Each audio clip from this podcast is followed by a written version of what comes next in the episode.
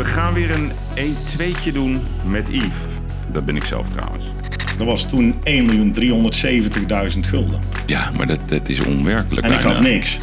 Eh, sommige mensen verliezen aan een crisis en anderen zijn de winnaar. Dat zo werkt eigenlijk het kapitalistische systeem. Het is heel erg sneu om het zo te zeggen. Iedereen kan alles bereiken wat hij wil. Ik vind Nederland een van de sterkste landen in de basis van de wereld.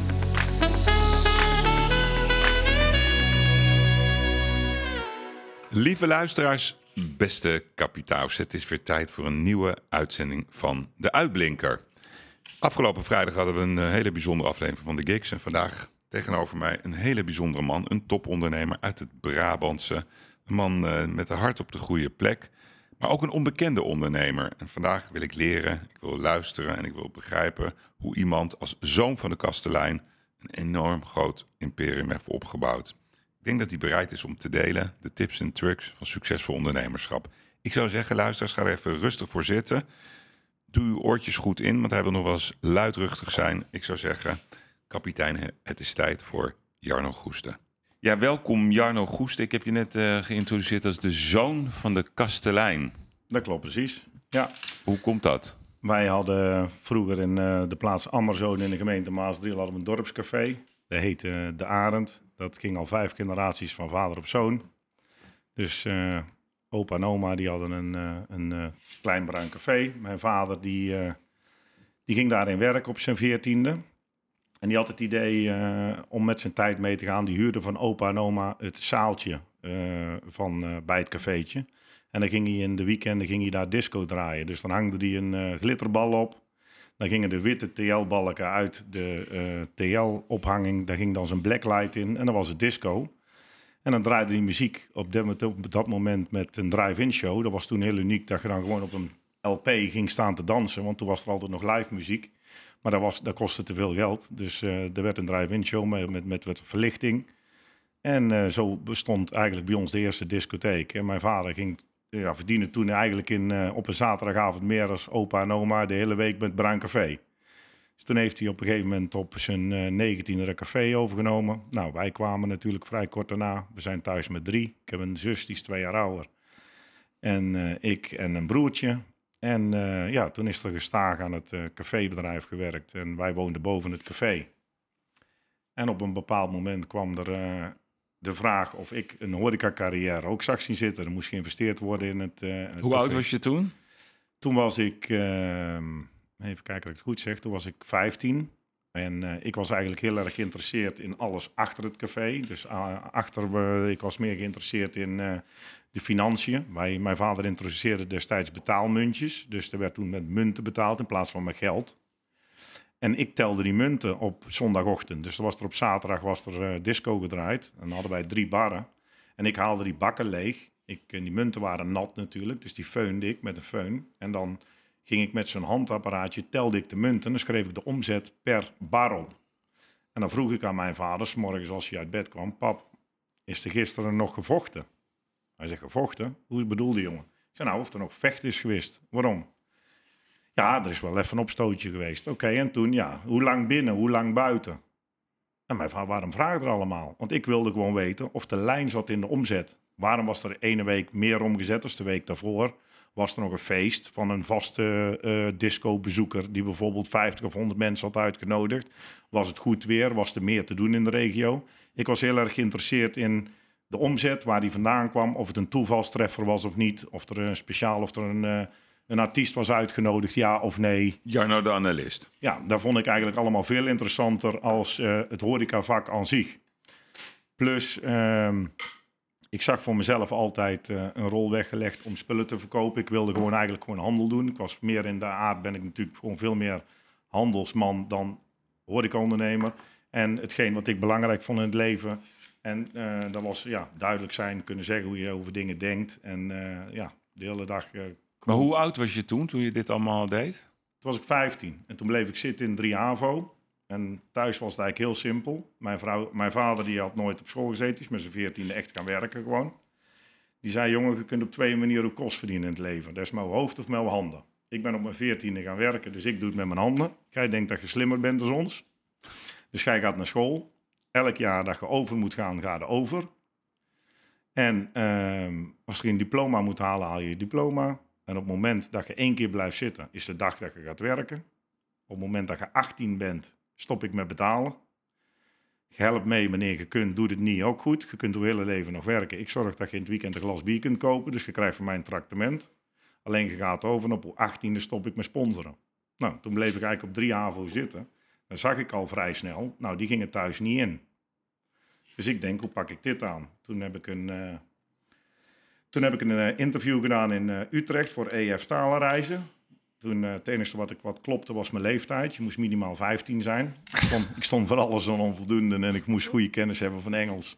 Dat had ik allemaal niet. Maar ik ging daar naar een schriftelijk examen. De controles waren daar minder goed als dat ik op school gewend was. Dus meisje naast mij was 17. Die had hele goede cijfers op het VWO voor Engels. Die had voor mij een paar tientjes gehad, zodat het mij niet zo heel moeilijk maakte om die test af te kijken. Toen werd ik alsnog aangenomen. Ik, naar, uh, ik kwam thuis, dus met twee mededelingen. Pa, ma, ik blijf zitten. Maar ja, ik ben wel uitgenodigd om een jaar naar Amerika te gaan, naar een high school.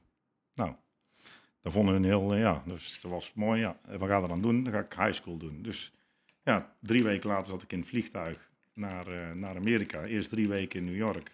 Daar kwamen alle uitwisselingsstudenten van Europa bij elkaar. En daar kreeg je dan uh, uitleg hoe het schoolsysteem in zat en waar je dan uitgezonderd werd. En ik werd uitgezonderd naar Grand Island, Nebraska. Dus ik zat bij een heel religieus gastgezin, elke zondag mee naar de kerk.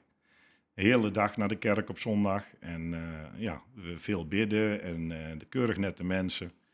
En toen zat ik daar op die school, toen kwam ik terug. Toen kon ik natuurlijk verder in drie MAVO. Toen heb ik eigenlijk uh, drie en vier MAVO in één gedaan. Het jaar erop vijf en zes HAVO, of uh, vier en vijf HAVO in één.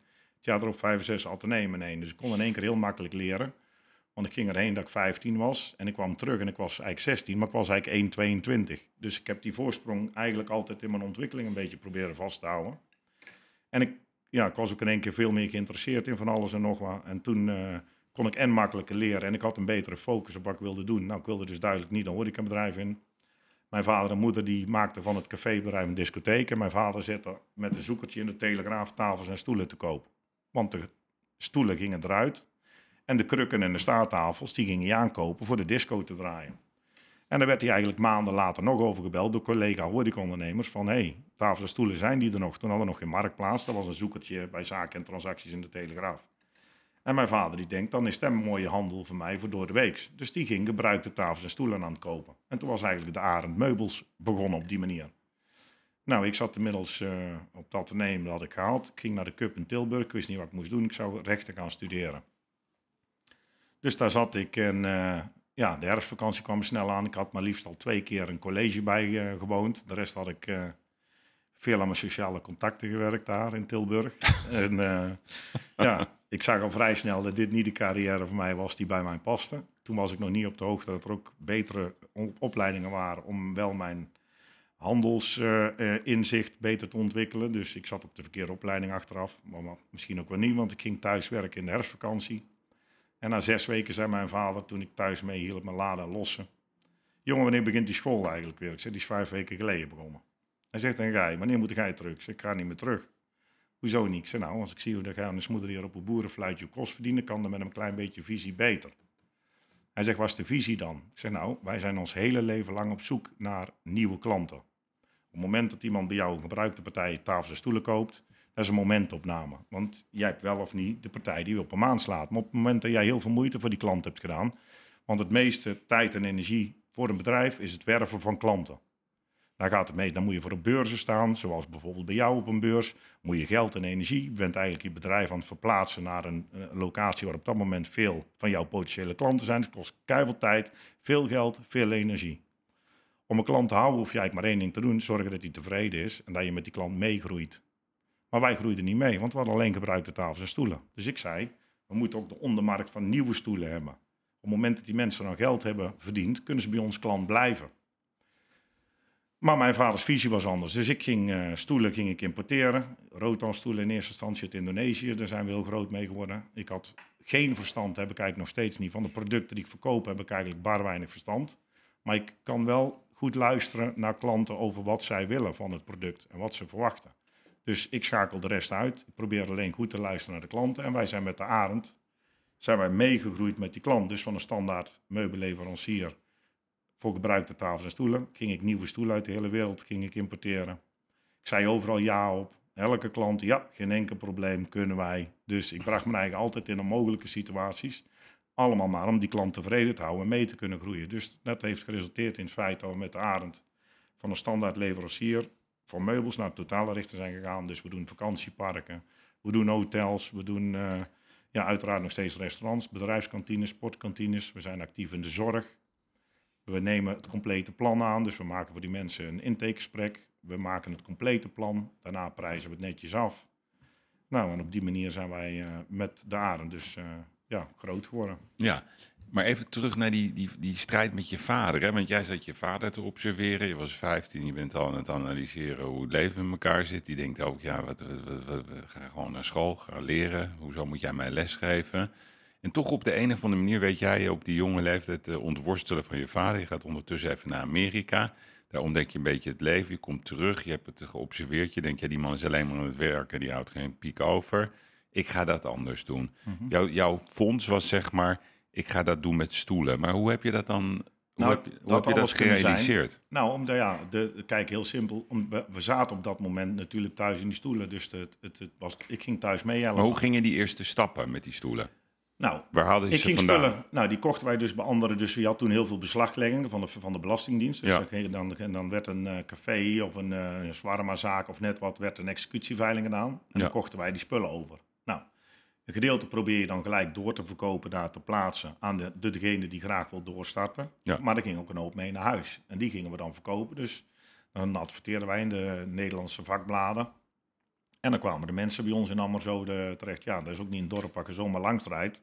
Dan moet er echt specifiek voor naar op zoek. Ja. Nou, ik probeerde altijd veel voorraad te hebben. Nou, zoals ik al zei, kocht ik ook opruimpartijen in bij mijn huidige collega-concurrenten. Dus dan Mm. kochten wij ook de gebruikte partijen op bij de gevestigde orde van destijds. En zo zorgde ik dat ons assortiment eh, op peil was. En eh, ja, met mijn vader, kijk, ik, wat deed ik nu? Ik, ik schreef gelijk vanaf seconde 1, via een schoolschrift. En ik schreef op wat ik verkocht zelf. Dus dan zette ik erop Café de Rode Leeuw, 2000 gulden. Café, restaurant De Dorste Gert, vijf rooien. Dus ik schreef alles op in een schoolschriftje voor mezelf. En na zes, zeven maanden koppelde ik dat aan de omzet van ons bedrijf. En ik was al 60% goed voor de omzet.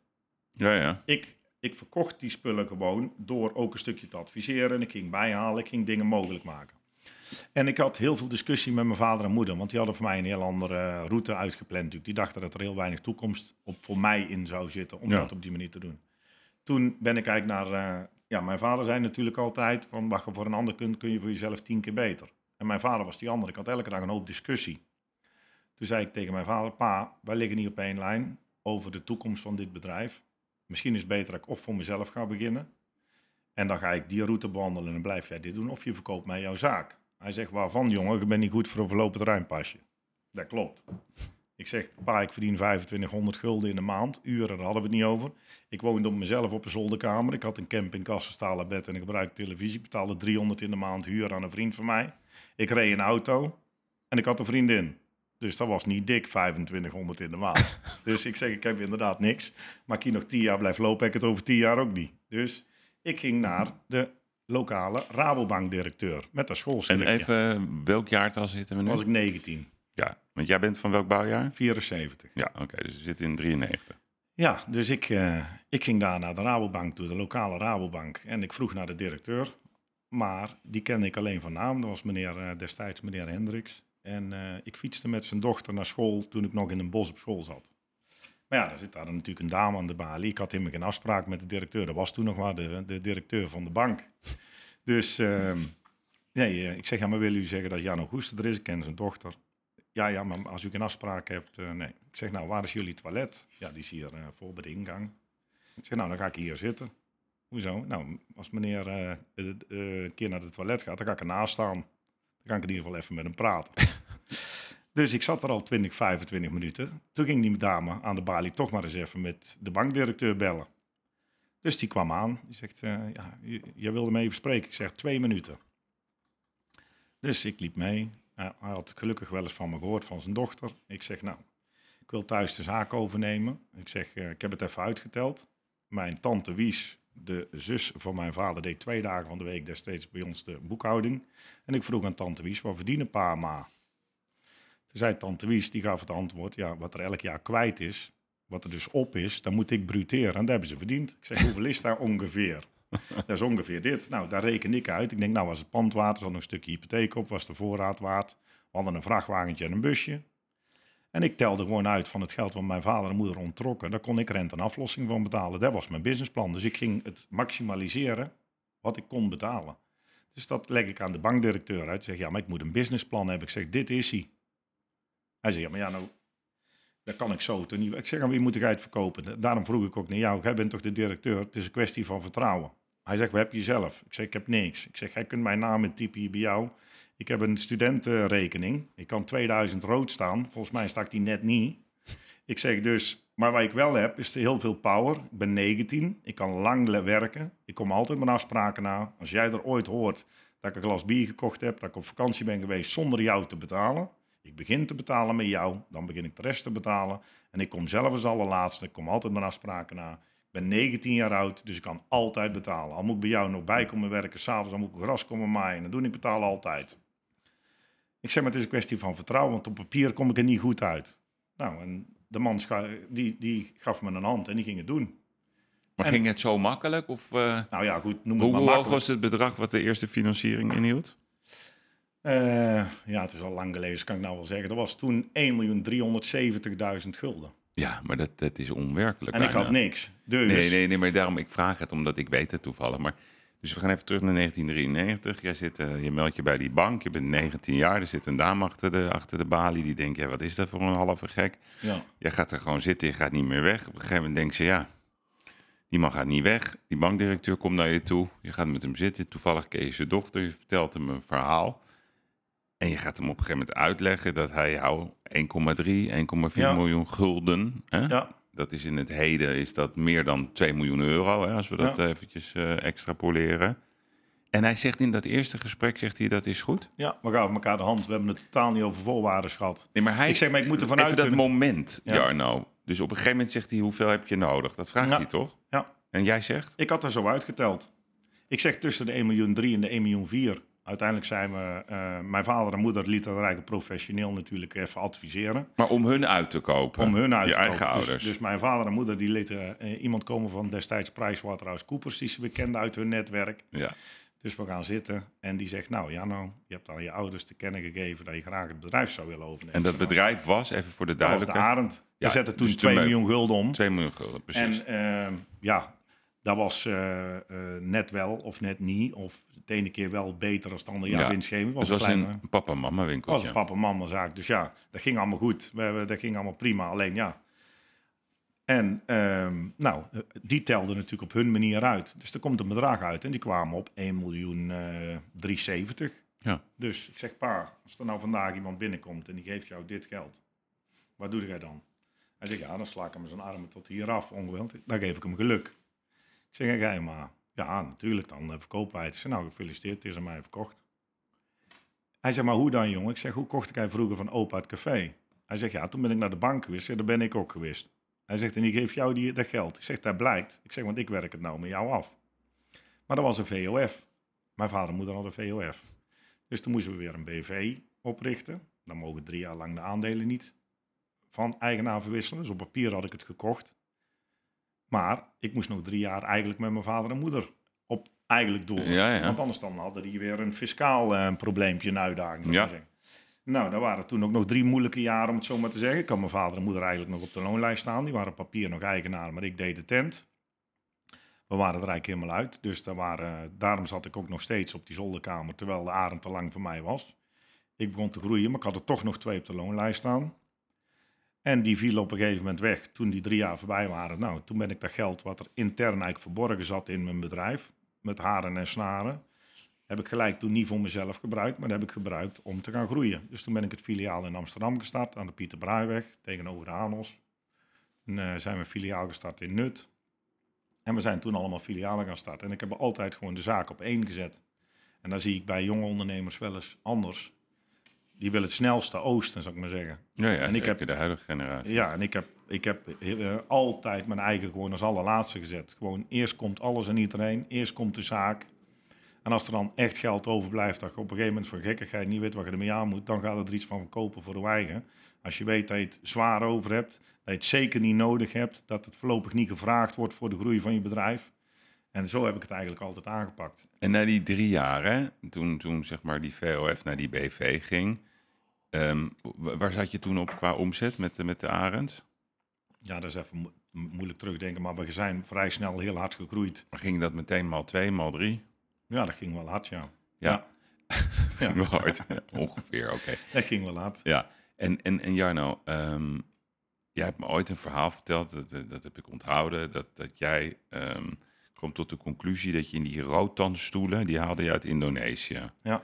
Nee, ik vond dat een van jouw mooiste anekdotes, maar je moet even uitleggen wat er precies Nou, gebeurde. Ik, ik hoorde, kijk, we, zaten in de tijd, alle horecaondernemers hadden mooie terrassen. Ja. Maar die waren niet mooi qua uitstraling, die waren voor hun mooi, dat waren plastic stoelen vaak. Ja. Dus dan had je eh, plastic stoelen van diverse merken. Destijds was het merk Alibert was heel erg bekend. Die hadden een hele mooie stapelstoel, kostte toen om en bij de 28 gulden. Ja, daar konden mensen zoals ik, de handel, kon daar zomaar 2 euro aan winnen per stuk. Dus dat was niet veel. Nou, Mhm. en dat was een stoel die eigenlijk top was voor de ondernemers. Dat ding dat stapelde weer, meen ik, 28 hoog. Daar kon een hoge drukkerij en een raspuit. Kreeg 10 jaar garantie op. Alleen natuurlijk spuuglelijk. Mm. Toen kwamen de eerste rotanstoelen in Nederland. Die werden destijds verkocht door grote winkelbedrijven. Die waren eh, eigenlijk ontworpen voor particulier gebruik. We noemden het rotan, maar het was pitriet. Dat wil zeggen, het is een, een, een rotan voor binnen. Maar de eerste horecaondernemers begonnen die stoel op het terras te zetten. En die terrassen zaten als eerste vol, want het zag er heel gezellig uit. Een kussentje erin, rotan uitzang. Maar voor de ondernemer een crime. Dames haalden de panties open. Je haalde je trui open als je er zat. Dus die stoel die had werkelijk waar alles tegen. Was zes hoog stapelbaar. Was niet af te spuiten met een cleaner. Om het jaar moest de nieuwe stoelen hebben. Want die werden gewoon op elkaar gestapeld. Het personeel trekt ze s'avonds naar de pui toe over die stenen. Daar bleef niks van over. Dus het enige voordeel van die stoel was iedereen wilde erop zitten. Toen denk ik, dat moet ik omdraaien. Dus ik ging naar, naar eh, Indonesië toe. En eh, ik had goed naar mijn klanten geluisterd wat het probleem van die rotastoel was. Ik denk, dat ga ik oplossen. Dus ik liet daar te plaatsen. In Seribon, een heel klein dorpje, kwam ik eh, via, via, via met een man in contact. En ik vertelde hem hoe dat die stoel in mijn ogen moest zijn. Dus een rotanstoel met kunststof vlechtwerk. IJzerdraad in het vlechtwerk, zodat je niet je kleur... Hij ziet eruit als een rotanstoel, maar alle voordelen van een kunststofstoel. Ja. Makkelijker stapelbaar, wel te cleaneren. Drie poten, voor buitengebruik, helemaal goud. En je jurk blijft heel. Alles blijft heel. Dus toen hadden wij een eh, omzet van om en erbij, eh, ja, wat zal het zijn geweest? Dat was mee in mijn beginjaren, doe maar 3 miljoen of zo. En ik koop gewoon bij die man die ene model stoel voor om en erbij mijn jaaromzet. Dus tussen de 2,5 en de 3 miljoen. Mm. Ik laat twee stoelen vlechten, pak een eddingstift, ik zet onder op die stoel de datum, mijn handtekening, de handtekening van de fabrieksdirecteur, wat toen nog een fabriek in wording was. Ik neem die stoel mee in de handbagage bij Singapore Airlines en ik rij met die stoel half Nederland langs. Dus ik verkocht ze aan grote bedrijven. Ik verkocht ze aan de Sligero, ik verkocht ze aan, eh, aan eh, ja, heel veel huidige collega's van mij. Misschien niet netjes, ik zou me noemen, maar ik verkocht die stoel uit de Excellent-serie. Die stoel die ging als een jekko. Dus ik eh, huurde eh 40 vierkante meter standruimte in eh, de beurs in Maastricht. Was de eerste die kwam in de Mac. Mijn zus achter de bar. Ik had 40 vierkante meter. Een partytentje bij mijn oom gehuurd. Een houten vloer, schelpen, zand erop.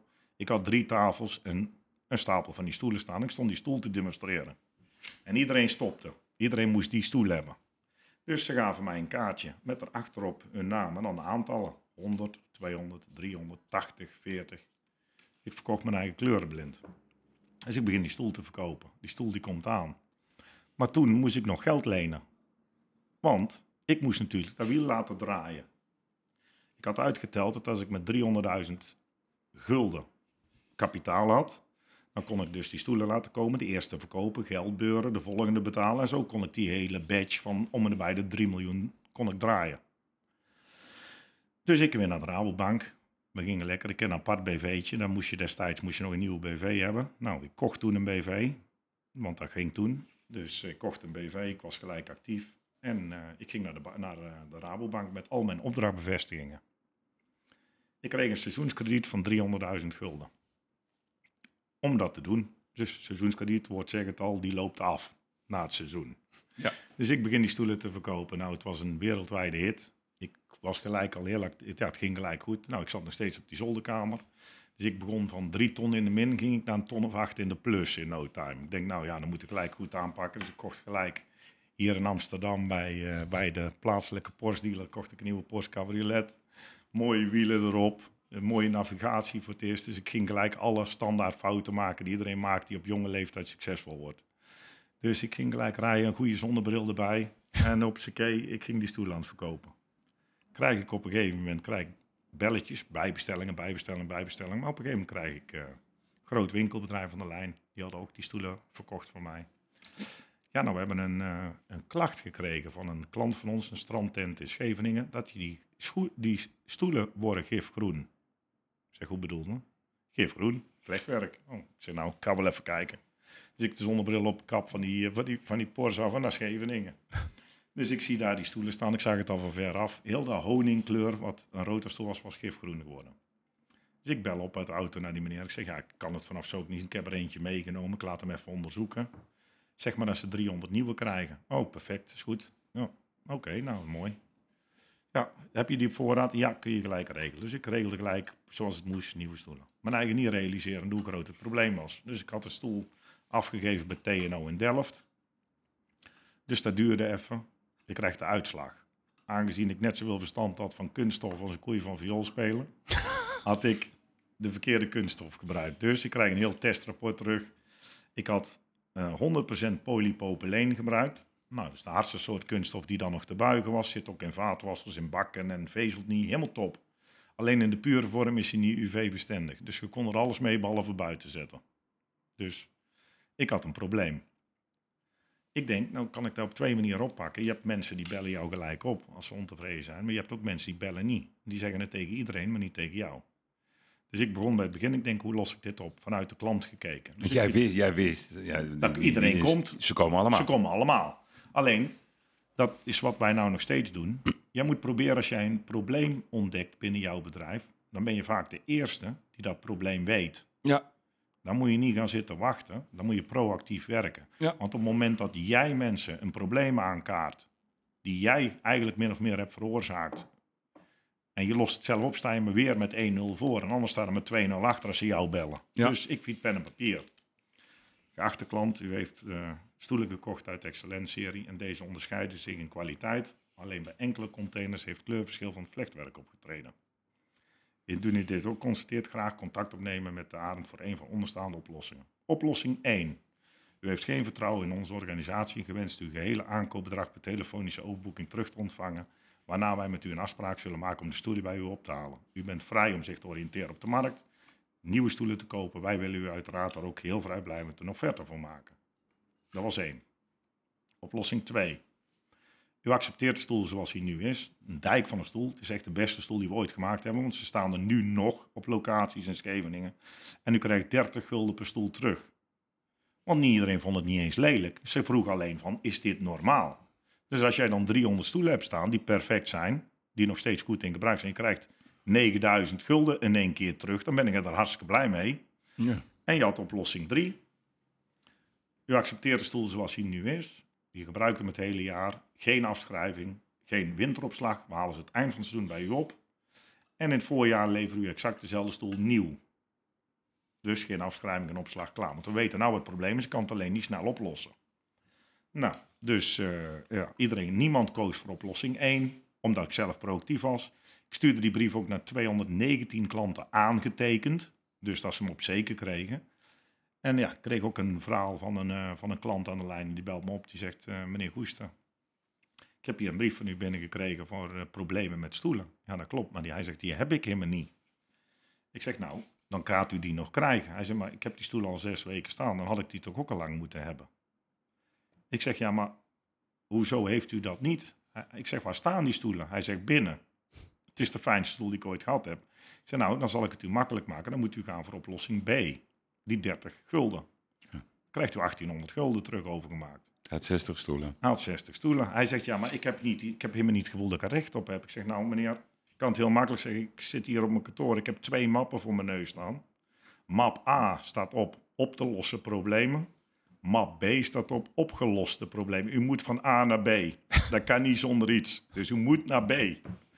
Hij zegt, nou ja, goed, dan doe ik dat. Maar ik wil er eigenlijk nog bij bestellen, want ik vind ze fantastisch. Ik zeg, nou, u hebt geluk, we hebben er zat. Dus hij, die krijgt ook natuurlijk met 30 korting. Dus die man krijgt 1800 overgemaakt, vult ja, de fax in. 073 599 4120 was het faxnummer destijds. En hup, daar kwam hij aan. Dan gaat dus drie maanden overheen. De man belt op. Hij zegt, heeft u voldoende faxpapier nog in die fax? Hoe bedoelt u? Hij zegt, ik heb hier een offerte van een collega van mij, van jullie. Hij zegt, ja, je bent hier nooit geweest, maar ik heb een heel groot bedrijf. En ik wil alles bij jou kopen. Dus als jij het kunt, dan ehm, moet je maar even zeggen hoe dat moet. Dus ik krijg een partij faxen binnen. Heer, ik denk wel 30 pagina's. De man had een gruwelijk groot bedrijf. Had voor mij op een beurs gekocht, dus ik was daar nooit geweest. En ik bel hem terug. Ik zeg, wat verwacht u van mij? Hij zei, jongen, als jij hetzelfde geld telt als die offerte, je mag ook nog 1800 duurder zijn, dan is de order voor jou. Ik doe hier al 25 jaar de zaak. Altijd als ik een probleem heb, hoor ik niks. En ik had nou geen klacht en daar heb jij een klacht van gemaakt. En die heb je opgelost die ik niet had. Dus ik koop het bij jou. Dus en jaar erop plusten wij 40%, omdat ik heel goed met die klachten eigenlijk omging. En dat is eigenlijk hetgeen wat we nog steeds doen. Om een, klacht, om een klant te houden, hoef je eigenlijk maar één ding te doen. Te zorgen dat je behandeld zoals je zelf behandeld wil worden. En dat is nog steeds goedkoper als continu hele leven lang op zoek naar nieuwe klanten. Ja, nee, maar wat, wat zo mooi in dit verhaal is, hè, kijk, wat jij eigenlijk aan mij vertelt, is dat eh, ja, jij, jij had al op hele de jonge leeftijd door, één, je vader, hoe die het doet, topkerel. eh, alleen ik ga het anders doen. Je, je weet zo'n bankier te overtuigen, je hebt eigenlijk geen euro in de zak. Je bent niet geboren in een gouden bad. Je hebt het allemaal op je eigen manier gedaan. En je ziet al op hele jonge leeftijd, shit, ik heb een belofte gedaan. Ik heb een, eh, een klant eigenlijk ergens in meegenomen. Het blijkt niet te koppen. Ik ga niet wachten op het belletje van de klacht. Ik ben proactief. Ja. En dat resulteert in een man die zegt, ja, ik heb helemaal geen klachten. Ik wil dat geld niet. Ja, dat moet. U moet van map A naar een B. En wat blijkt, die man die heeft dat nog nooit in zijn me- leven meegemaakt... en wordt eigenlijk misschien een van jouw grootste klanten. Wat, wat is de les dan ehm, voor, voor al die jonge, onderne jonge ondernemers of bestaande ondernemers? Nou, gewoon het eigenlijk, maar dat geldt niet alleen. Het mooie is, ik, eh, ik ging toen natuurlijk weer door dit hele verhaal. Ging ik van die drie ton in de min naar acht ton in de plus. Ging weer naar drie ton in de min. Had je die bank weer nodig? Die bank had ik weer nodig. Die moest ik weer overtuigen. Ging dat ze mij nog 500.000 gulden bij moesten lenen. Ja. Om mijn probleem op te Deed lossen. Deed hij? Ja, niet zonder slag of stoot natuurlijk. Maar ik had natuurlijk de junior verkoper van de bank Hmm. destijds. ik zeg, ja, we kunnen twee dingen doen. Of ga ik even met de geld bij en ik ga dit keurig netjes oplossen. Want ik kom eerst mijn, klanten, mijn afspraak naar mijn klanten kom ik na. Hmm. Of je doet het niet. Ja, met alle respect, dan krijg jij die lege BV. Dan moet jij waarschijnlijk op zoek naar een nieuw baantje en ik op zoek naar een nieuwe bank. Maar het gaat hoe dan ook opgelost worden. Ja. En dat is toen opgelost. Dus eh, ik wil maar, Maar zeggen... toen hadden de banken... maar wat, wat is de les? Banken Ja. hebben ditzelfde meegemaakt. Ja. Wij, banken verkochten mij naar renteswap. Zoals heel veel mensen. Ik Ja. ging groeien, ik had heel veel geld nodig in mijn bedrijf. Ik ging een pand kopen, ik ging een pand bij. En ik doe zaken op, op, op, op, op 90% op vertrouwen. Ja. Dus als je dan met een bank iemand, en dat is bij ons allemaal lokaal, die komen mij een hypotheek verkopen. En die verkopen mij bijvoorbeeld een renteswap. Nou, Ja. prima. Wie denk jij dat als eerste doorhebben dat die swap niet werkt? Dus iedereen verkoopt hem jou naar eer en geweten. De Maar al vrij snel kom je erachter dat het niet werkt. Eigenlijk zelfs mijn, mijn groene stoelen. Daar komt toch de bank als eerste achter. Je hebt klanten die als eerste aan de beurt zijn, die rekenen het door. zijn vaak de grotere klanten. Ik was gewoon tafels en stoelen aan het verkopen. Ik had wederom net zoveel verstand van een financiering als een koeien van vioolspeler. Daar was ik niet mee bezig. Dus je koopt die kennis en kunde in bij, in dit geval, mijn lokale Dat bank. denk je, dat denk je. Ja, denk je. Die mensen komen er als eerste achter dat het een waardeloos product is. Die hebben mij nooit die brief gestuurd van... ja, nou, sorry, we hebben jou verkeerd geadviseerd, A, B of C.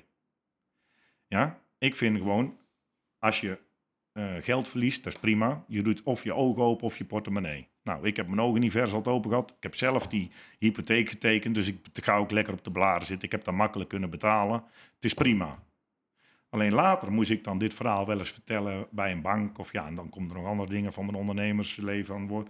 En dan geef ik ook dit voorbeeld. Kijk, je bent tegenwoordig nergens uniek in. Ik ben niet uniek met een tafel en een stoel. Wij zijn niet uniek met ons product. Wat een bedrijf uniek maakt, zijn de mensen die met hun klant omgaan en hoe Ja. dat je daarmee omgaat. Een bank is ook niet uniek, want de, de 100 euro van de Rabobank brengt mij niet verder als de 100 van de ING of de 100 van de ABN AMRO. Hmm. Wat jou dan het verschil maakt, is dat jij in één keer de winnaar kunt zijn. En op het moment dat je eerst heel veel aan marketing en reclame uitgeeft, voor elke bank doet, en daarna komt er een probleem, als je die in één keer zelf oppakt, dus je gaat al die mensen met die swap dan proactief zelf een aangetekend schrijven sturen en zeggen, sorry, met de kennis en kunde van nu hadden we u dit product nooit Maar hoe verkocht. verklaar jij dat dan? Ja, want kijk, Nee, omdat iedereen, omdat dat anders in elkaar zit. Kijk, wij hadden gewoon een onder, ik, doe, ik voer een onderneming voor de lange termijn. Iemand die een onderneming voert als zijnde een CEO of als zijnde een, een directeur of wat, zit er niet mijn eigen geld in. Hey, die wordt vervangen, die gaat via de achterdeur weg, vaak nog met een gouden parachute. Ja, en ja, het, eh, ja bij, bij die grootbedrijven, zo, jouw voorganger was een klootzak en jouw opvolger is ook een klootzak. Ja, wij zitten erin voor de lange termijn. Mijn naam en faam hangt eraan. Ik kan het mijn eigen totaal niet permitteren om het niet voor een klant 100% te doen. hmm, Ik zit er niet in voor de jaren. Ik zit er natuurlijk in voor mijn leven. ja, maar hoe verklaar jij? Kijk, vroeger hadden de bankdirecteuren zelfs nog een, een eigen bevoegdheid van 5 miljoen gulden. Konden ze gewoon ter plekke beslissen. Nou, vandaag, als je, als je een financiering moet doen, dan kom je bij een afdeling van 27-jarigen. Nee, je, het wordt een internetbedrijf. Hè? Ja, het je moet alles zelf doen. Je moet bijna alles zelf doen. Dus mijn, daarom zeg ik, jij zoekt wat is jouw les voor de jeugd van tegenwoordig. Ik denk, dan denk ik oprecht, en dat is niet van vroeger was alles beter, want ik vind heel veel dingen nu beter. Maar ehm, zonder een bank had ik het nooit kunnen. Dus ik ben hartstikke positief over banken aan zich. Waarom? ja. Wie vraagt er zo weinig toespraak en zo weinig inspanning voor zoveel geld? Want als je het in de privé-circuit gaat halen en ik kom ergens aan en ik was destijds met de pet rondgegaan, had ik of heel veel aandelen af moeten geven of hele andere boterbriefjes moeten tekenen als bij een bank. Ja. Dus ik ben nog steeds super enthousiast over wat bank, en dit is wel de Rabobank voor mij mogelijk heeft gemaakt. Want zonder, zonder zo'n bank was ik ook niet waar ik vandaag ben. Of tenminste had het veel langer geduurd, laat ik het dan zo zeggen. ja. Alleen, maatwerk wordt steeds lastiger. Eh, heel simpel, ik zeg altijd gekscherend. je- Ze vullen alles in op een computer. Het, het scherm wordt groen of het scherm wordt rood. En wat vandaag groen wordt, kan morgen weer rood worden. Want de lessen die ze eh, van drie jaar geleden geleerd hebben, gaan ze nou toepassen. Terwijl wij een hele tijd moeten bijsturen. Kijk, eh, met ons bedrijf ook. Wij zijn online heel actief. Hè, met, we hebben eh, grote online formules. Ja, kun je die even benoemen, want dat weten de meesten niet. Nou ja, goed. Wij doen natuurlijk eh dek bij discounter inmiddels. We doen koopje deal. We doen woonk. Ehm, dus we doen e-bloem, Floralof. We hebben dus veel online. Nou, En daar zijn jullie een van de grootste partijen in Nederland. Ja, Of de we- grootste. Ja, eh, wij denken wel. Wij denken van wel. Ik weet niet, kijk niet naar cijfers van een ander. We zijn veel met ons eigen bezig, maar dat gaat, dat gaat hartstikke goed. We Ja. hebben veel vaste klanten. Maar goed, dan is er, komt corona. En dan moet jij ook in één keer bijsturen. Eh, eh, onze klanten bij de Arend natuurlijk, die waren ook volop in paniek. Ja. Alleen, het, doordat we dan zo breed vertakt zijn en eh, een sterk bedrijf zijn, kunnen we die mensen daarmee helpen door leveringen uit te stellen, magazijnruimte bij te regelen. Eh, en die gewoon weer denken hoe die klant denkt, zodat je gewoon voor hem de juiste partner blijft. En ehm, ja, sommige grotere bedrijven, zoals we het net over een bank, snap ik ook wel dat daar veel minder makkelijk te manoeuvreren is. Kijk, wij kunnen nog steeds heel snel beslissen. Wij kunnen gewoon binnen eh, een kwartier, twintig minuten kunnen we het bedrijfsbeleid aanpassen als de markt daarom vraagt. Nu eh, hebben we weer een enorm probleem, zo bandbreedte in de ondernemerswereld met het krijgen van personeel. Ja. Het motiveren van personeel, het houden van personeel. Eh, producten, heel lastig natuurlijk. Eh, eh, Shanghai is weer op slot. Er liggen ja, duizenden boten daar te wachten op producten. Dus dat gaan we hier ook weer merken. Nou, grondstofprijzen die door het dak heen gaan. zijn allemaal uitdagingen. Daar kun jij niet gewoon van kijken van... nou, hoe deden wij dat tien jaar geleden en doen we dat nou ook. Het, jij wordt continu gedwongen om wel met de nieuwe spelregels te hanteren. En dat wordt bij grotere bedrijven steeds heel lastig. Ja, en als je dat nou vertaalt, hè, dus die ervaring die jij hebt, en je hebt het gezien met de banken, en ik bedoel, ben nu misschien wat genuanceerder, maar als we het hebben over de politiek, want je hebt het meegemaakt, twee jaar corona. Waar, waar kijk jij dan naar als Jarno Groeste? Als Nou, je ziet vind- hoe zij opereren? Ik vind dat eh, Nederland het eh aan zich heel erg goed gedaan heeft, denk ik. Ik was er bang voor, maar kreeg meteen begin van de, van de coronacrisis. Dan ga je kijken. Nou, dat was toen de, is, een van de eerste haarden die ik me eigen herinner. Dat was Bergamo. Nou, we hebben dat toevallig ook een Italiaanse meubelfabriek die daar voor ons werkt. Dus die mensen die hadden het allemaal heel zwaar. Dat was, die waren als eerste was het een slagveld. Het leek wel een oorlog als we dat toen daar op Mm. televisie zagen. En eh, los van het persoonlijk drama dacht ik natuurlijk, ja, dat komt ook deze kant op. Dat kwam ook snel zo deze kant op. Maar toen kregen wij al de hulpvragen financieel vanuit die landen die als eerste getroffen waren. Ik denk, daar gaan we weer. We gaan alle poen weer weggeven aan andere landen. Maar daarom ben ik wel blij dat in deze crisis de Nederlandse uh, uh, overheid ook wel heel veel heeft gedaan. Steunmaatregelen, voor, vooral ook de sector waar wij allemaal actief zijn. Voor de horeca natuurlijk, die grof geraakt is. En ik vind dat die hulpprogramma's, en die zijn nooit 100%, want je blijft natuurlijk ondernemer. Je blijft niet 100% schadeloos gesteld worden. Maar ze hebben er wel heel veel aan gedaan om de Nederlandse uh, economie op orde te houden. Nou, en ik vind dat daar goed gegaan is. Ik ben blij dat dat nou ook een keer gewoon gelijk hier onze eigen economie ingecijpeld is. Ik denk ook wel dat het probleem dat de rekening, de echte rekening daarvan nu komt. Want nu komen de momenten dat mensen terug moeten betalen. En die moeten zo substantieel veel terugbetalen. Kijk, als jij een normaal restaurant hebt en jij kunt 50.000 euro per jaar verdienen. En je hebt nou in de coronatijd uh, een schuld opgebouwd van 500.000 euro. Geloof ik niet dat die man en mevrouw elkaar aankijken en zeggen... nou schatje, dan gaan we nog tien jaar, dan hebben we de overheid terugbetaald. Ik denk dat die de handdoekjes nog gaan gooien. Dus ik denk dat we heel veel faillissementen gaan krijgen. En dat al die achtergestelde betalingen die nou nog op de balans staan bij, uh, bij de Nederlandse overheid, dat ze daar ook in rap tempo een hoop op kunnen afschrijven. Dus ik ben benieuwd hoe dat het beleid er nou uit gaat zien. Hoe dat we de uiteindelijke rekening die continu doorgeschoven is betaald gaat worden. En ik denk dat we een enorme lastenverhoging gaan krijgen voor het bedrijfsleven. Dus ik denk dat dat een nieuwe uitdaging met zich meebrengt. Los van de problemen die we net al zijn. Problemen omtrent uh, het krijgen van personeel, het, uh, het energiekosten en dadelijk de gestegen lasten. Ja, oké. Maar kijk, dus je, aan de ene kant lig je eruit dat je, dat je vindt dat al die hulpprogramma's hartstikke goed gedaan zijn hè, van, vanuit de overheid. Het was natuurlijk ook bedoeld, laten we eerlijk zijn, om uh, de werknemers... Werkgelegenheid uh, te waarborgen. Ja, en om de mensen gewoon niet boos te maken. Maar hoe kijk jij dan als mens en als ondernemer naar wat wij dan iedere week vanuit Den Haag voorgeschoteld krijgen? Ben je daar nou ja, zo enthousiast over? Nee, kijk, het is tweeledig. Kijk, aan de ene kant is het zo dat een, een crisis moet normaal nieuwe kansen met zich meebrengen. Ja. Dus alles voordat we de coronacrisis hadden, was in mijn ogen heel duur. Als jij dus probeert een onderneming te starten of te kopen, de problematiek waar we net over hadden omtrent financieren, was er eigenlijk niet te doen. Dus als jij van de hotelvakschool afkomt en je wil een restaurant beginnen of zelf, hoe dan? Je Hmm. moet ton uh, sleutelgeld betalen, goodwill inventaris. En de huurcontract gaat helemaal door het dak heen. Eigenlijk met zo'n crisis moet dan uh, sommige mensen verliezen aan een crisis en anderen zijn de winnaar. Dat zo werkt eigenlijk het kapitalistische systeem. Het is heel erg sneu om het zo te zeggen. Hmm. Maar dan moet kansen geven. Als het bloed door de straat heen gaat, moeten er kansen komen. Er zijn er nooit zo weinig bedrijven failliet gegaan. Ja. Niemand ging failliet. Nee. Dus die kansen kwamen niet. Dus bij een crisis horen kansen. Jeugd hoort dan in ieder geval wat onbereikbaar was. Die horen dan 20, 21, 25 te zijn. Die zeggen gewoon, we kopen of verhuren daar dat restaurant. We gaan er boven wonen, schatje. En we gaan tien jaar gas geven. En daarna proberen we één dag of twee dagen van de week vrij te pakken. Dat is allemaal niet gebeurd. Hmm. Dat gaat nou misschien nu wel gebeuren. Maar we hebben heel weinig faillissementen gehad. We hebben wij heel weinig bedrijfsopvolging gehad. Nee, nog Dus, wel. dus het rare van deze crisis is dat de normale kansen die ook bij een crisis horen, die heb ik te weinig gezien. Alleen is dat goed, is dat fout, ja, weet ik, daar, daar kan ik niet over oordelen. Maar uh, Dat kan je wel over oordelen. nou ja, goed, uh, ik, ik zit daar misschien wat harder in. Kijk, ik zorg dat ik altijd liquide ben. Dus ik ben niet vies van, een- van een goede kans natuurlijk. Ja, daar ben je ondernemer voor. Ja. En die heb ik te weinig gezien. Ja, ja. Ik vind je wel gematigd, moet ik zeggen. Eh, ik, ik heb je wel eens anders gehoord. zijn, In zijn de dat- basis is het allemaal hetzelfde. Ik, maar ik gebruik alleen maar andere woorden. Ja, ja, oké. nee, maar kijk, jij, jij, jij, jij bent natuurlijk iemand die is met niks begonnen, met keihard werken. Heb je op een slimme manier en op een eerlijke manier heb je bedrijven opgebouwd. En jij wil ook graag iets achterlaten voor de jeugd en de mensen gewoon een, land geven waar we allemaal enthousiast over bij zijn. Nou, banken. eh, vroeger was, vond ik prachtig hoe dat ging met banken. Dan zat je gewoon tegen een bankdirecteur en die denkt, ja, ik vertrouw je wel of vertrouw je niet. Ja, Ga je wel of niet steunen? En die besliste dat gewoon. Die nam die verantwoordelijkheid. Ja. Vandaag de dag praten we tegen computers. Eh, je kan niet eens meer gewoon normaal naar een bankkantoor als oude, oude mevrouw. Ja, dan sta je bij zo'n pinautomaat. Als je pech hebt, word je overvallen. Dit is toch niet een land waar, waar, wat we op deze manier in stand kunnen houden? Dat gaat toch een keer fout, Jarno? ja maar ja, dat, eh, dat vraag ik mij ook wel eens af. Maar jij reist veel, ik Mm. reis ook veel. Ja. Ik kom over de hele wereld.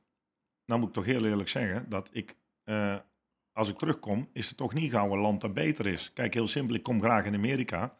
Dan kom ik daar. En als je nou even iets verder vliegt, als dat je alleen gaat naar LA, San Francisco, naar New York of naar de grotere steden. En dan in die steden hoef je ook maar eigenlijk gewoon 20, 30 kilometer uit het centrum te rijden. Dan ga je gewoon, ik denk, 30 jaar terug in de tijd. Ik heb daar op school gezeten, zoals ik al zei, in Nebraska. Ik ben terug geweest, vier jaar geleden. Dus eh, 25 jaar ongeveer later sta ik daar met mijn vrouw en mijn kinderen. Ja. Die mensen in Nebraska woonden nog in exact hetzelfde huis. Hadden exact dezelfde bankstel binnen staan. De buren woonden daarnaast. Alles was exact hetzelfde. Voor die mensen heeft 25 jaar lang de tijd stilgestaan. Daar zie jij de stroomdraden nog gewoon over de dingen gaan. Dan kijk ik daarna. Wij zijn hier bezig aan glasvezel leggen. Wij zijn hier qua infrastructuur enorm ver. Het wegennet is nergens beter als hier. De eh, gezondheidszorg is volgens mij nergens beter dan hier. Eh, sociale lasten. Dus, wij- dus er gaat wel heel veel fout. Maar op een of andere manier gaat het in niet heel veel landen heel veel beter. Dus het lijkt mij gewoon super lastig om een land te besturen en het voor iedereen goed te doen. Maar wij doen het nog niet zo slecht. Als je gewoon gaat kijken naar andere landen. Als ik terugkom. Want als het ergens anders beter was, met alle respect, had ik daar al gewoond. Ja, Ja, Ah, dus hoe heb ik het dan? Dus zeg het maar. Nee, zeg ik het maar. Kijk, wat, wat ik denk is dat, eh, dat we altijd één ding vergeten in de hele analyse. Is dat wij, wij zijn natuurlijk eh, zeg maar de generatie 50, 60, 70. Dat is toch een beetje de generatie van de oorlog. Die hadden allemaal niks. Het was gewoon do or die. En als je niet ging werken, dan kon je het gewoon vergeten. Dus je was of bereid om gewoon zeven dagen in de week gewoon te beuken. En als je geluk had, dan kwam het goed. En als je pech had, ja, dan, dan, dan, dan ging het niet helemaal goed. Dus er is iets opgebouwd in decennia waar we nu het profijt van hebben.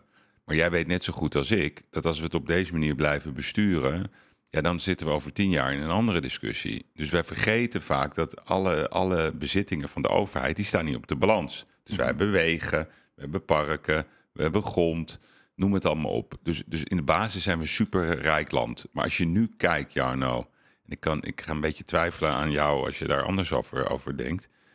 Het is natuurlijk een zootje hoe het Ik- land ik denk op daar dit niet moment anders over. bestuurd Ik wordt. denk daar niet anders over, maar ik heb zelf niet. ehm, kijk, als ik kijk naar hoe dingen opgelost worden, kijk ik daarna als een ondernemer. Ja, Alleen dan begin je gelijk alweer te praten. Ik vind ons sociaal vangnet bijvoorbeeld heel ver gaan. Ja? Ehm, zoals je al aangeeft, in, in Nederland is gewoon in mijn ogen is werken is een, eh, is een recht, maar geen plicht. Ja? Dus wij hebben nog steeds, we, we hebben het al een paar keer aangehaald, we hebben gruwelijk veel vraag naar eh, mensen die, eh, die we nodig hebben om te gaan werken. Maar Ja. daarnaast hebben we ook nog steeds heel veel mensen die werkloosheid, ja dan zeg ik hoe dan? Ja, bij ons in de regio, je kunt bij ons in elke champignonkwekerij kunnen werken, bij elke bloemenboer. Je kunt bij mij stoel in mijn garen komen zetten. Je kunt eh laaien, lossen. Je hoeft niet één diploma te hebben. Je kunt in elke supermarkt werken, volgens mij. Bij elke snackbar, in elk restaurant, zowel in de keuken als voor of wat dan ook.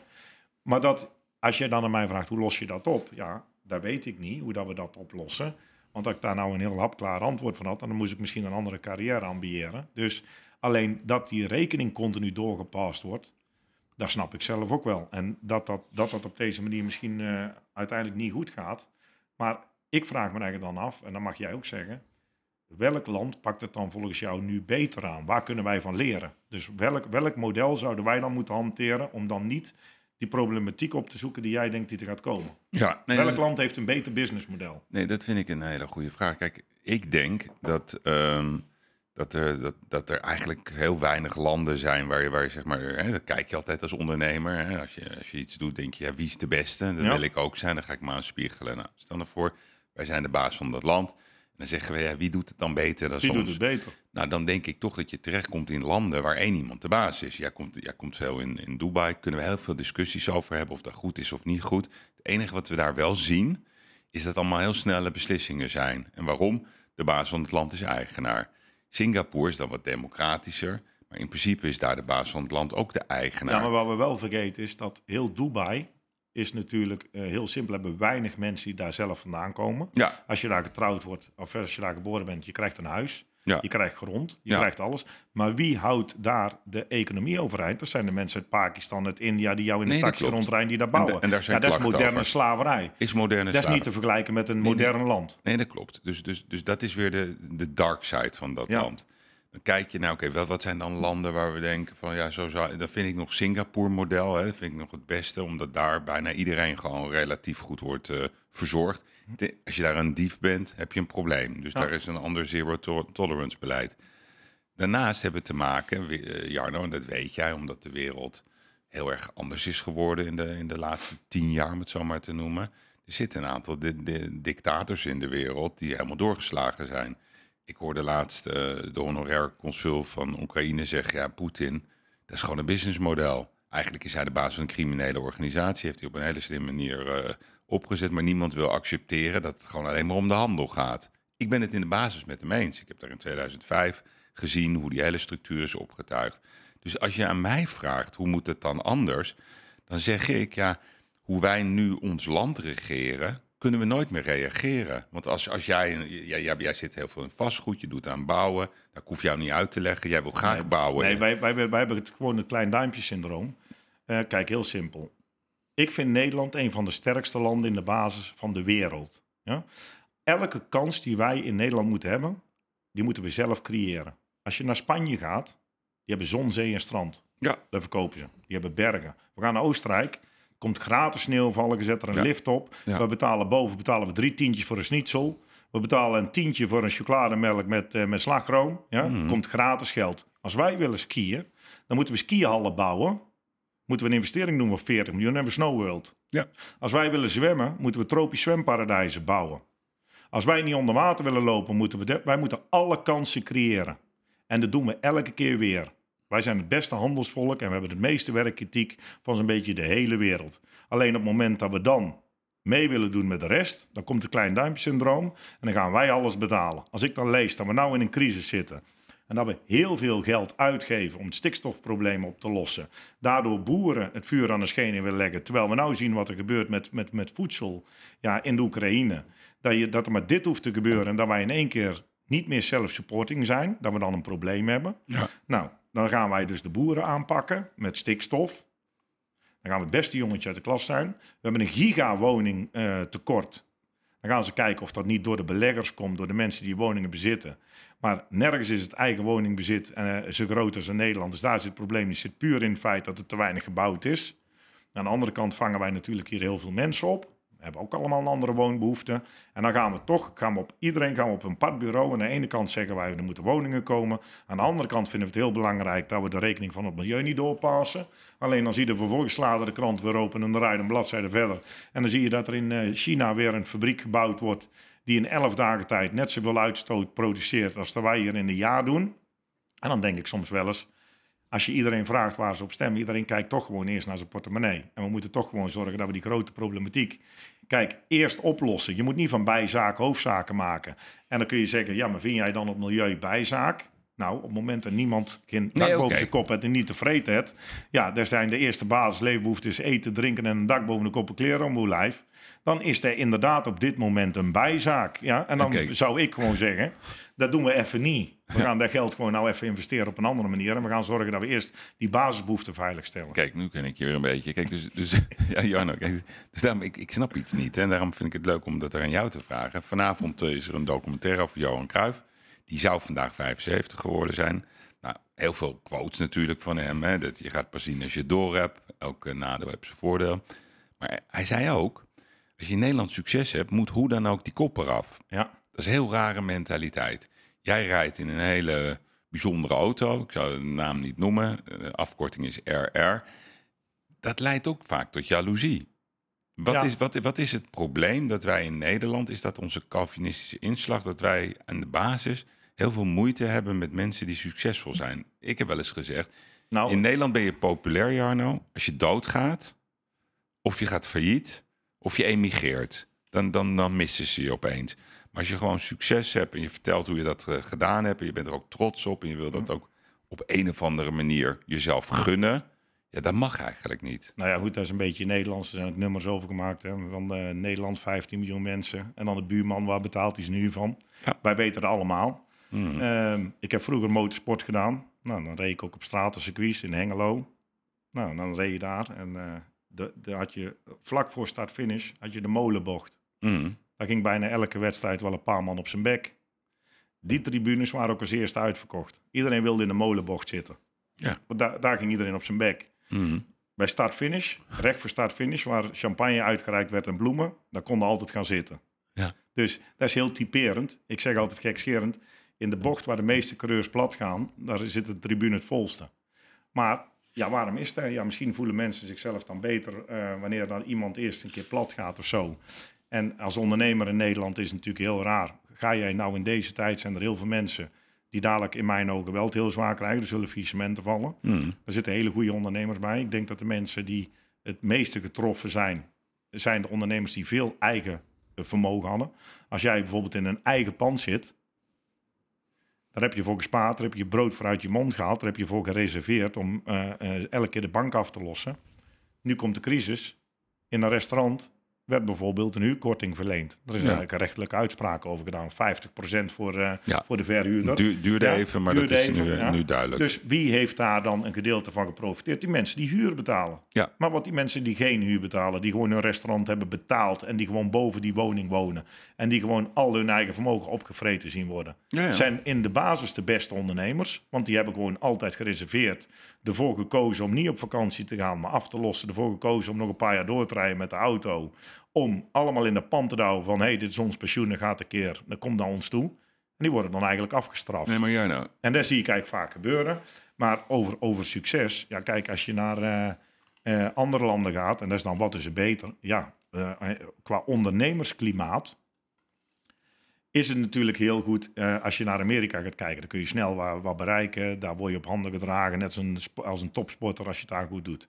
Hier is die uitdaging wat groter. Alleen, wil je dan op een gegeven moment in een land wonen waar totaal geen sociaal netwerk is? Nee, dat willen we niet. daar wil je natuurlijk ook niet. En Nee. daarom zeg ik, ik snap wel als je er elementen uithaalt waar ergens anders beter is, maar het totaal is hier nog niet zo verkeerd. Nee, nee, oké, dat begrijp ik.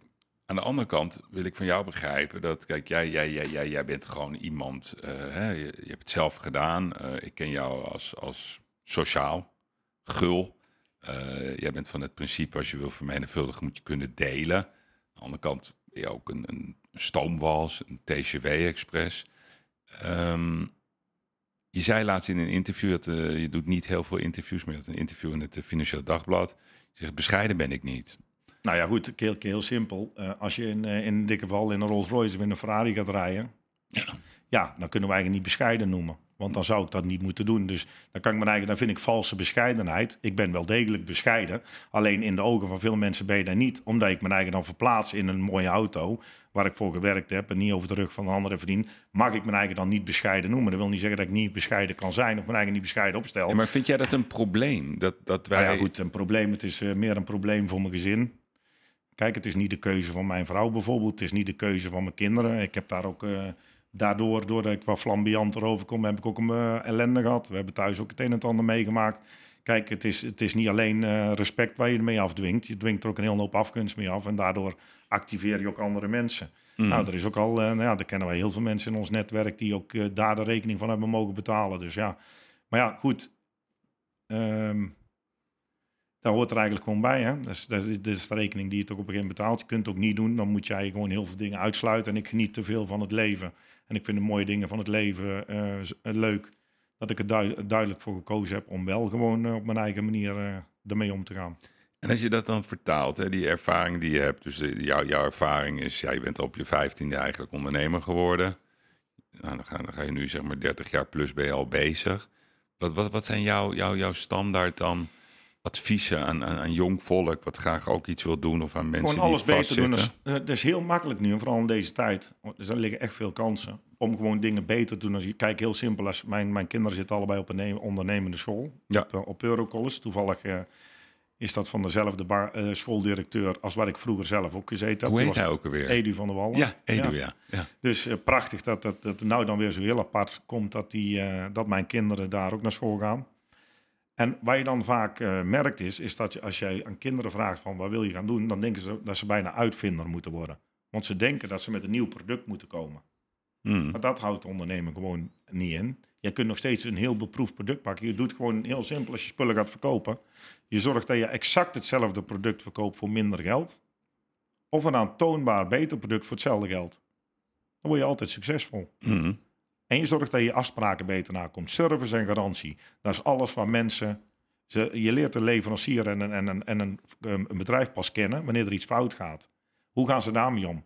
Zijn ze net zo snel en adequaat op het moment dat ze iets moeten oplossen... als toen ik er was toen ze mijn geld wilden hebben? En hoe heb, en hoe heb jij zelf dan weerstand bij jezelf opgebouwd? Want kijk, het leven gaat deze natuurlijk niet, niet één groot eh, Nou ja, pad weerstand van komt vanzelf. Hè. Ik kan hier eh, nog anderhalf uur praten over alle dingen die niet goed gegaan zijn. Nee, en, daar, begrijp en, daar en daar leer je het meeste van. Maar om die wel op de juiste manier op te lossen... Maar hoe ga je daar het meest makkelijk mee om? Want iedereen loopt tegen, tegen, tegen barrières op. Nou, als je- hoe je heb je dat jezelf aangeleerd? niet bang te zijn om te falen. Hè? Kijk, gewoon heel simpel. Jij doet het nou eh, eh, ook, ik denk 35 of 40 jaar. En jij maakt ook nog steeds fouten. Ja, En die maak ik ook. En, maar die maken wij ook met keuzes. Alleen, ehm, je moet niet bang zijn om wel te blijven ondernemen en te doen. Als wij tien keer iets verkopen, Mm. verdien ik zeven keer geld. Twee keer verspil ik mijn hele marge aan service en garantie. Ja. En één keer moet ik verliezen. Maar ik hou 10 uit 10 de klant. En dat brengt de continuïteit. Ah, Je praat één keer over geld, je gaat iets verkopen. En daarna ga je zorgen dat die mensen tevreden achterblijven. Wij hebben een heel klachtig gevoelig product met een inrichting. We doen met mensen een vloer, we doen schilderwerk, we doen interieurbouw. We leveren meubels, gestofferingen. Dus er gaat altijd wel iets fout. Dus Hmm. bij de voorkant moet je de verwachting al managen door te zeggen... geen enkel probleem, bij jullie gaat er op zeker ook wat fout. Ja? Alleen, wij stoppen pas als u 100% tevreden bent. Dus bellen gewoon, al belde 100 keer, al moet ik 25 keer terugkomen. Wij Hmm. stoppen pas als u 100% tevreden bent. Kijk. Dus heel veel jonge mensen pakken Ja. er gewoon iets uit waar je interesses Maar, maar liggen. die, ja, maar die weerstand is ook zo dun. Hè? Dus bijvoorbeeld, ik zie bij jou eh, veel topsporters, eh, Nederlandse topsporters. Je bent Brabander. Nou, Ja. Het schijnt dat we in het Brabantse best wel veel topsporters hebben, ook in het Limburgse. Maar ik zie vaak Rico Verhoeven, kan je het goed mee vinden. Michael van Gerven, die komen allemaal graag bij jou.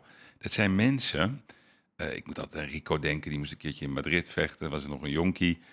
Ehm, wat maakt dan zo'n Rico eh, opeens wereldkampioen? Wat maakt Michael van Gerven, die geloof ik een paar maanden geleden gooide geen deuk in een pakje boter. Nou, nu wint hij bijna weer elke wedstrijd, af en toe verliest hij. Als die mensen met jou praten, wat zeggen ze dan tegen jou? Hoe gaan zij om met teleurstelling om uiteindelijk toch aan de eindstreep de winnaar te zijn? Omdat die, ehm, ik denk dat iedereen die gewoon erg succesvol mee wil gaan, hetzelfde heeft. Dat jij gewoon een doorzettingsvermogen hebt en je geeft niet op. Maar Dus dat is het, hè? je geeft gewoon niet op. Nooit Dus het kan zomaar zijn dat jij een verkeerde beslissing genomen, dat je moet bijsturen, maar je geeft niet op. Dus heel simpel. Als je kijkt naar Rico, die jongen die is eigenlijk in hetgeen wat hij doet, is hij eigenlijk, hij is de ideale schoonzoon. Waar je gewoon mee praat, is Ja, echt ja. gewoon echt, hè, of niet? Het is een kei lieve Ja, gozer. En ik denk bij wijken, ja, maar hoe dan? Nou, Ja. dan zit hij in een wereld. Die, die mensen die, die zien er even allemaal qua uiterlijk even anders uit. Ja? Als je die in een steeg tegenkomt, dan denkt er van dikke tering, ik loop hier verkeerd. Ja? en dan gaat Rico zijn, zijn ring in en die wint dan gewoon keer op keer. Nou, en de laatste keer was ik er dan bij, want ik, ik ging nooit naar wedstrijden, want ja, dat trok mij eigenlijk niet zo. En dan ga ik naar kijken. En ik was eigenlijk één keer had me uitgenodigd voor een training daarvoor. En dan zie ik in die training, trainde hij ook met een andere jongen. Rico loopt er nooit de kantjes vanaf. Ze doen trainingen van elke drie minuten. En Rico begint vijf seconden eerder en stopt tien seconden later. Mm. Hij loopt niet een rondje, hij probeert die zoomer niet te ontwijken. Hij gaat kapot. Ja? Ik zie het gebeuren. Dan zie je die andere jongen meetrainen. Die moet nog net even zijn schoen strikken. Die moet net even die Snap je? Die valt Ja, ja. net in. Maar dan zie je zo'n wedstrijd. En dan zie je daar oog van hem bekant uit liggen. Maar hij geeft gewoon niet op. Een ander had al... Hij staat weer op. Hij staat weer op. Die mensen geven gewoon niet op. En, eh, Maar dat heeft die van Gerven ook, hè? ja, maar Dus- heeft, Ma- kijk, Michael, op jonge leeftijd, op zijn zeventiende staat hij aan de top. ja. Toen krijgt hij gewoon in iets mindere tijd, staat weer aan de top. Daar komt corona tussen, wat iedereen vergeten is. Al die gasten kunnen natuurlijk darten. Alleen die zalen zitten helemaal vol met pompende, eh, ja, heel die zaal kolkt. Zit helemaal ramvol met tussen de 15 en de 25.000 dronken mensen in carnavalskleding. Die zijn daar aan het suipen met bier aan het gooien en aan het fluiten wanneer jij die pijl moet gooien. Ja? En dan op een gegeven moment, hij kon daar het beste mee omgaan. Op een gegeven moment komt die corona En de zaal Heel die stil. zalen zitten leeg. Die gasten kunnen allemaal darten. Ja. Dan in één keer moeten ze die pijl in die dubbel gooien. En dan in één keer kan iedereen die pijl in die dubbel gooien. Michael is niet zoveel slechter gaan gooien. Als jij gewoon gaat kijken naar de gemiddeldes en alles, dan zie jij gewoon Dus dat hij, hij is, gewoon... hij is stressbestendig. Hij is veel stressbestendiger als de rest. Ja. Mm. En dat komt door een stukje ervaring, maar ook door dat uit te kunnen schakelen. Kijk, als jij na gaat zitten denken op een gegeven moment van... ik weet niet hoe het werkt, ik ben zelf geen darter... maar ik kan me eigen voorstellen dat je daar staat... en je moet nog één pijl gooien, je krijgt wel of geen anderhalve ton... en de wereldtitel. Dat dat best wel lastig kan zijn, dat je op een gegeven moment begint te bibberen. Ja. Michael bibberde niet, die jaste er dingen gewoon in. Nou, en op het moment dat dan zo'n zaal ook nog een keer wel... want die zijn altijd van de underdog... Dus die gaan aan het blaren, niet, wel, niet. Ja. En iedereen wil van jou winnen. Jij bent weer, iedereen wil ook van Rico winnen. Maar kunnen, kunnen wij van die topsporters leren? Want ik vind het leuk, dat mooi voorbeeld wat je geeft. Hè, met, met, met, die, met die laatste pijl. Dat gaat om een bepaald bedrag. Het gaat om de wereldtitel. Ik zie dat ook bij golf. Hè. Iedereen kan slaan. Ze kunnen allemaal 300 meter slaan. Ja. Ze kunnen allemaal putten. Ze kunnen allemaal chippen. Maar het zijn altijd dezelfde, Jarno. Die dan die ene put moeten maken van 4 meter. Maximale druk. Heel veel publiek. Camera's die draaien, de check komt eraan. En de winnaars, die maken hem.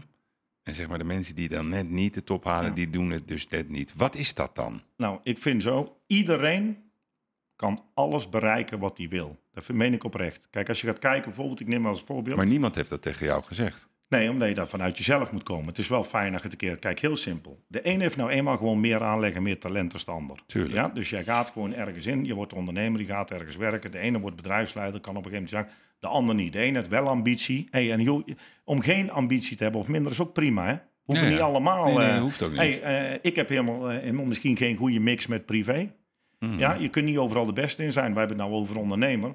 Misschien had ik eh, wel een betere vader kunnen zijn. Hè? Die zijn erbij, die zijn daar misschien veel beter in dan ik, want het heeft ook veel tijd gekost. Dus Hmm. het is maar net waar jij zelf de belang op een gegeven moment neerlegt natuurlijk. Hè? Ja. Misschien had ik ook een betere echtgenoot kunnen zijn. Misschien, ja, het is maar net, maar we kunnen allemaal bereiken wat we willen bereiken. Als ik wel eens keek, dan, dan eh, had je bij ons had je PSV. Romario, die voetbalde daar. Ja, die wou te slapen. Die ging al slaan. Romario was al een beetje moe. Ja. Ja, alleen heel de wereld kon Romario. Die ging ook naar de plaatselijke paaldansvereniging, las er dan weer. Hij had tot s'nachts liggen zuipen. En dan moest je de dag erop voetballen. Normaal zegt jouw hele elftal van, Dat kan niet. die gaan wij niet opstellen. Werd toch? daar niet gezegd. Want hij, één ding was zeker, hij trapte er die middag 1, 2, 3 of 4 in. Daar voetbalde in de elftal volgens mij destijds ook Barry van Halen. Ja, de postbode. Die kwam gewoon een kwartier, een half uur eerder op de training. Die ging een half uur later. Is ook gewoon eh, volgens mij een paar keer landskampioen geworden. Had ook het EK meegewonnen. Had dus veel minder voetbaltalent als Romario. Ja. Heeft in nagenoeg hetzelfde bereikt. Heeft in dezelfde elftallen gestaan. Heeft dezelfde beker omhoog gehouden.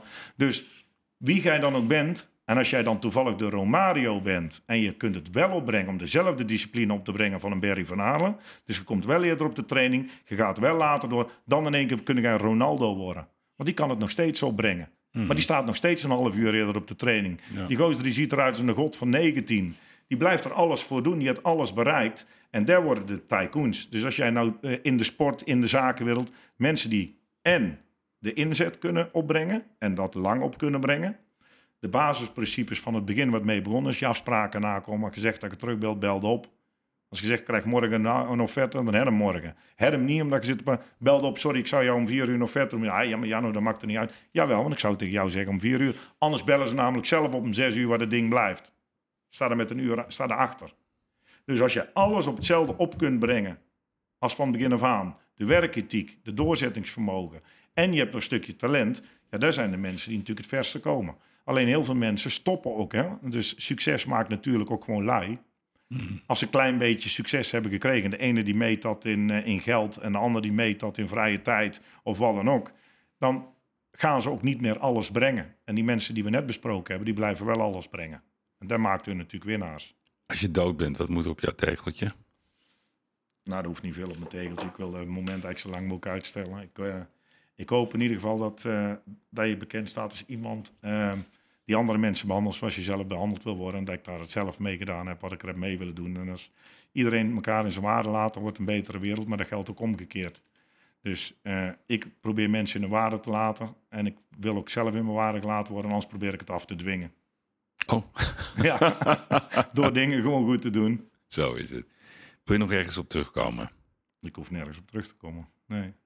En als ik nou Jarno Goeste, voor de luisteraar die jij nog niet helemaal kennen, als ik die in één zin eh, zou moeten omschrijven, wat is dat dan voor iemand? Ja, geen idee. Ik denk daar nooit over na om mezelf te Nee, hè? omschrijven. Mooi hè? Nee. Nee, dat doe jij dus niet hè? Nee, dat doe ik Is dat misschien ook wel een, een, talent eigenlijk en een noodzaak? Ik vind niet meer als normaal. Je moet gewoon normaal doen tegen mensen. Het- Ja. het, eh, ik, heb, eh, ik, ik ga me, ja, we gaan met iedereen om. Ik vind mensen die, zoals ik al zeg, die andere mensen in hun waarde kunnen laten, vind ik heel belangrijk.